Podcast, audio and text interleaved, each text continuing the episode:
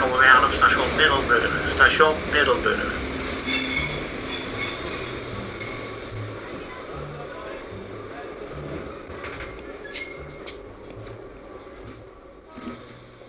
En als je wilt, kun je hier blijven slapen. Waarom zou ik hier blijven slapen? Ga gewoon naar huis. Het lijkt me in ieder geval goed dat je Pieters vraagt wat hij nou eigenlijk denkt te bereiken met zijn voorstellen. Hij moet toch begrijpen dat we ze onmogelijk kunnen accepteren. Ik zal hem dat op de man afvragen, want zo gaat het niet langer. Welkom, Staaf. Dag, Jan. Wij zijn hier om van u te vernemen hoe gij denkt over onze plannen tot reorganisatie.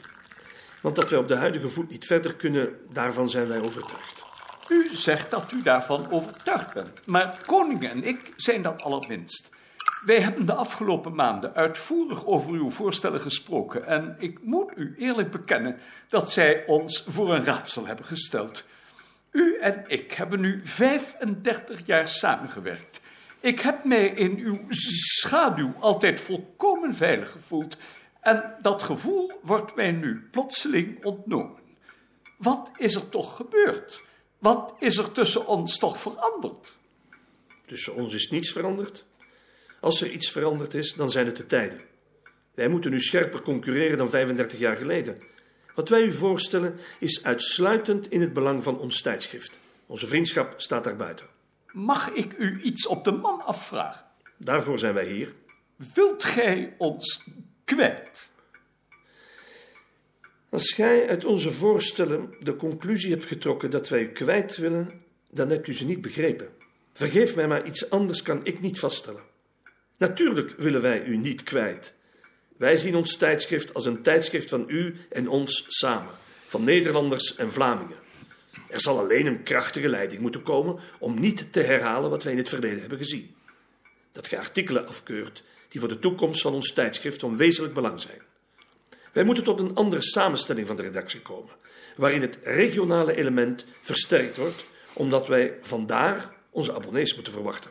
En als wij nu op dit punt met u van mening verschillen, Dan betreuren wij dat zeer, maar dan scheiden zich onze wegen. Ik kan niet langer voor mijn verantwoording nemen dat een naar verhouding gering aantal Nederlandse abonnees doorslaggevend is voor de inhoud van een tijdschrift dat gedragen wordt door een veel groter aantal Vlamingen. dat baart ons ook zorgen. Misschien moeten wij vanuit Nederland in de toekomst meer kopij leveren, zodat ons tijdschrift ook voor Nederlanders aantrekkelijker wordt. Ons tijdschrift zou al aantrekkelijker worden voor Nederlanders als u wilde besluiten om redacteuren voor Noord-Brabant en voor Limburg aan te stellen, die ons stelselmatig op de hoogte gaan houden van wat daar op wetenschappelijk terrein plaats heeft. Want dat is meer, heb ik de indruk, dan waarvan men zich in Holland rekenschap geeft. Ik denk bijvoorbeeld aan de Brabantse dagen, waarover u een artikel van een van mijn studenten hebt afgewezen. Misschien dat wij dat inderdaad nog eens wat zorgvuldiger moeten bekijken. Ik heb het zorgvuldig bekeken en ik hoef dat niet nog eens te doen. Als regionalisme de grondslag wordt van ons tijdschrift, dan is er voor mij in ieder geval geen plaats meer. Wij hebben daar inderdaad moeite mee.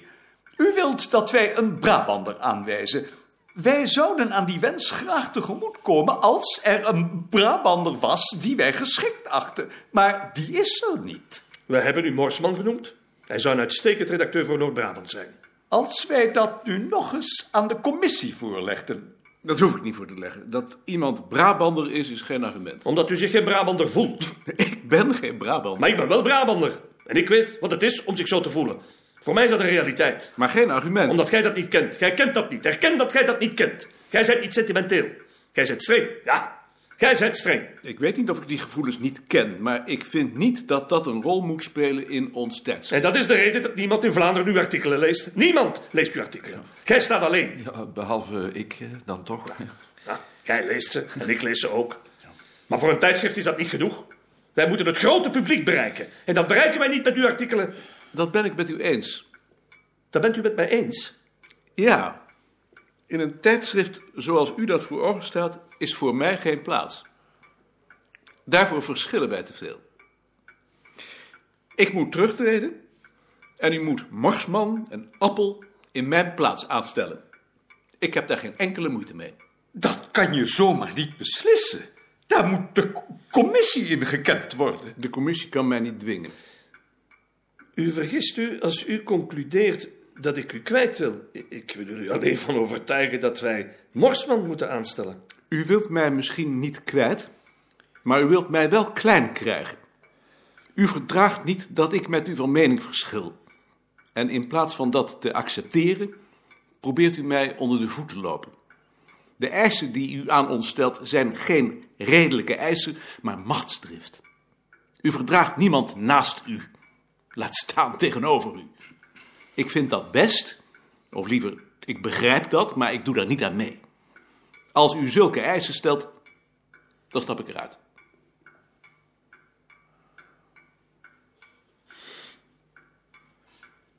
Als u stelt dat wij verschillen, dan ben ik dat met u eens. Maar als u meent dat ik u kwijt wil, dan vergist u zich. Wij verschillen inderdaad geheel, maar toch wil ik alleen met u verder. Als ik u kwijt moest, dan zou dat alleen kunnen door u dood te schieten. Wij trekken onze voorstellen in. Graag. Beschouwt u ze als niet gedaan. En schenkt u ons dan nu een borrel, een Hollandse borrel, want die hebben wij wel verdiend. Een borrel. Begreep jij die plotselinge omzwaai? Het is een merkwaardige man. Het zal zijn stijl van onderhandelen zijn. Zo heeft hij, toen hij nog stadssecretaris was, in de haven onderhandeld. Als hij merkt dat hij zijn zin niet krijgt, trekt hij zich terug. Op de terugweg in de trein naar huis was hij gedemoraliseerd. Dat hij, terwijl hij niet in de constructie paste, toch had moeten blijven zitten, benauwde hem. Hij voelde zich opgesloten. S'nachts sliep hij niet. Hij begreep dat het zo was gelopen, omdat hij geen eigen doel had. Hij kon alleen reageren. Als de ander zich gewonnen gaf, wist hij niet meer wat er te doen stond. Ik hoor hier niet, dacht hij. Maar hij had dat al zo vaak gedacht dat het langzamerhand zijn inhoud verloren had.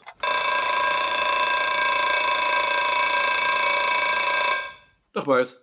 Dag Maarten. Manda vroeg mij gisteren of ze smiddags naar huis mocht. Ze beriep zich daarbij op een regeling die zij met jou getroffen zou hebben. Ik wist daar niks van. Nee, dat heb ik vergeten te vertellen. Wat is dat dan voor regeling? Ik heb met haar afgesproken dat ze in ruil voor een paar vakantiedagen s'avonds thuis mocht werken. Weet meneer Balk daar dan van?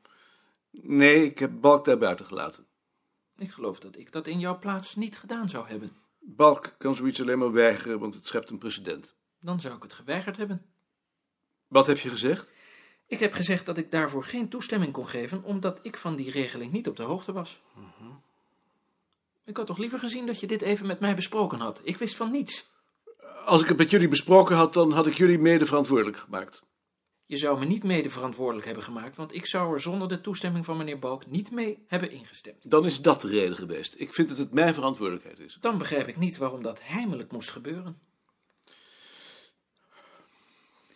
Hoe is het gisteren afgelopen? Pieters heeft weer alles ingetrokken. Dat vind ik dan heel aardig van professor Pieters. Ja, hij was heel aardig. En wat gebeurt er nu? Voorlopig gebeurt er niets. Hoezo voorlopig? Tot Pieters weer van plan verandert. Zijn daar dan aanwijzingen voor? Nee, op dit ogenblik zijn daar geen aanwijzingen voor. De tweede nederlaag binnen drie minuten. Hield nog lange tijd een gevoel van wrok over. Niet tegen zichzelf, wat voor de hand zou hebben gelegen. En ook niet tegen Bart, dat zou onredelijk zijn geweest. Maar vager, tegen het leven. Het menselijk bestaan, waarvan hij slachtoffer was. Dat was tekenend, zoals het tekenend was dat hij zich daarvan vervolgens weer bewust was. Alsof er in hem iemand huisde die hem gadesloeg en erboven stond.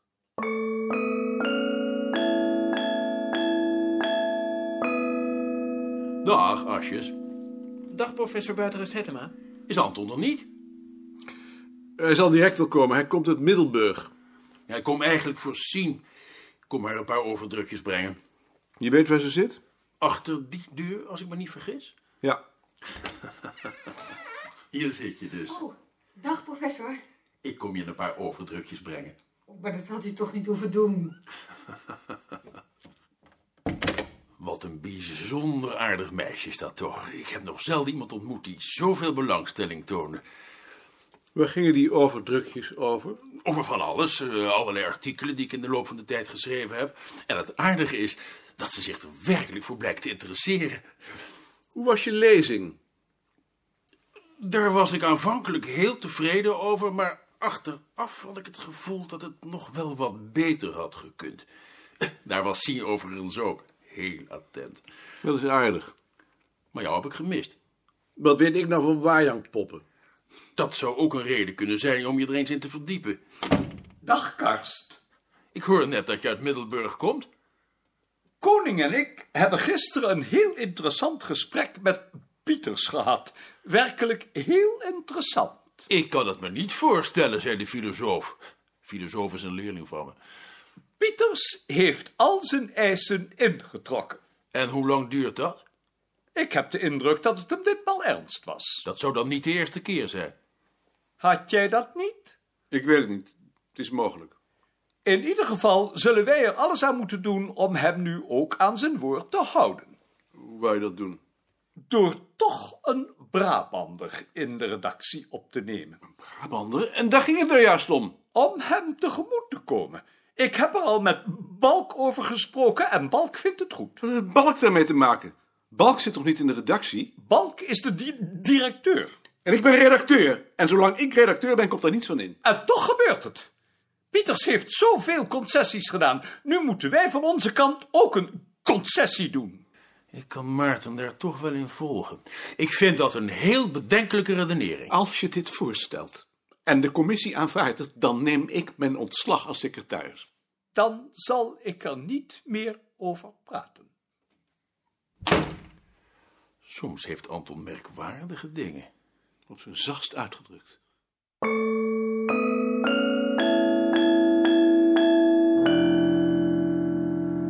Hij droomde dat hij in de voorkamer van zijn huis aan de Lijnbaansgracht zat en dat Simon achterop, die hij in zijn studietijd gekend had, maar die voortijdig had afgehaakt en daarna in de massa was verdwenen, voor zijn deur de straat stond te vegen. Hij herkende hem toen hij zich omdraaide en door een brede kier in de gordijnen naar binnen keek. Hij wilde zich verbergen, de kier sluiten, maar hij was verlamd, zoals dat in dromen gaat. En toen achterop zijn hand tegen het raam zette om beter te kunnen zien en hem zag zitten, was hij zo goed niet of hij deed hem open. Als hij gedacht had dat achterop aan lage wal was geraakt en straatveger was geworden, dan had hij zich vergist. Zijn straatveger bleek verband te houden met een modern sociologisch onderzoek dat het leven dat hij zelf leidde ver in de schaduw stelde.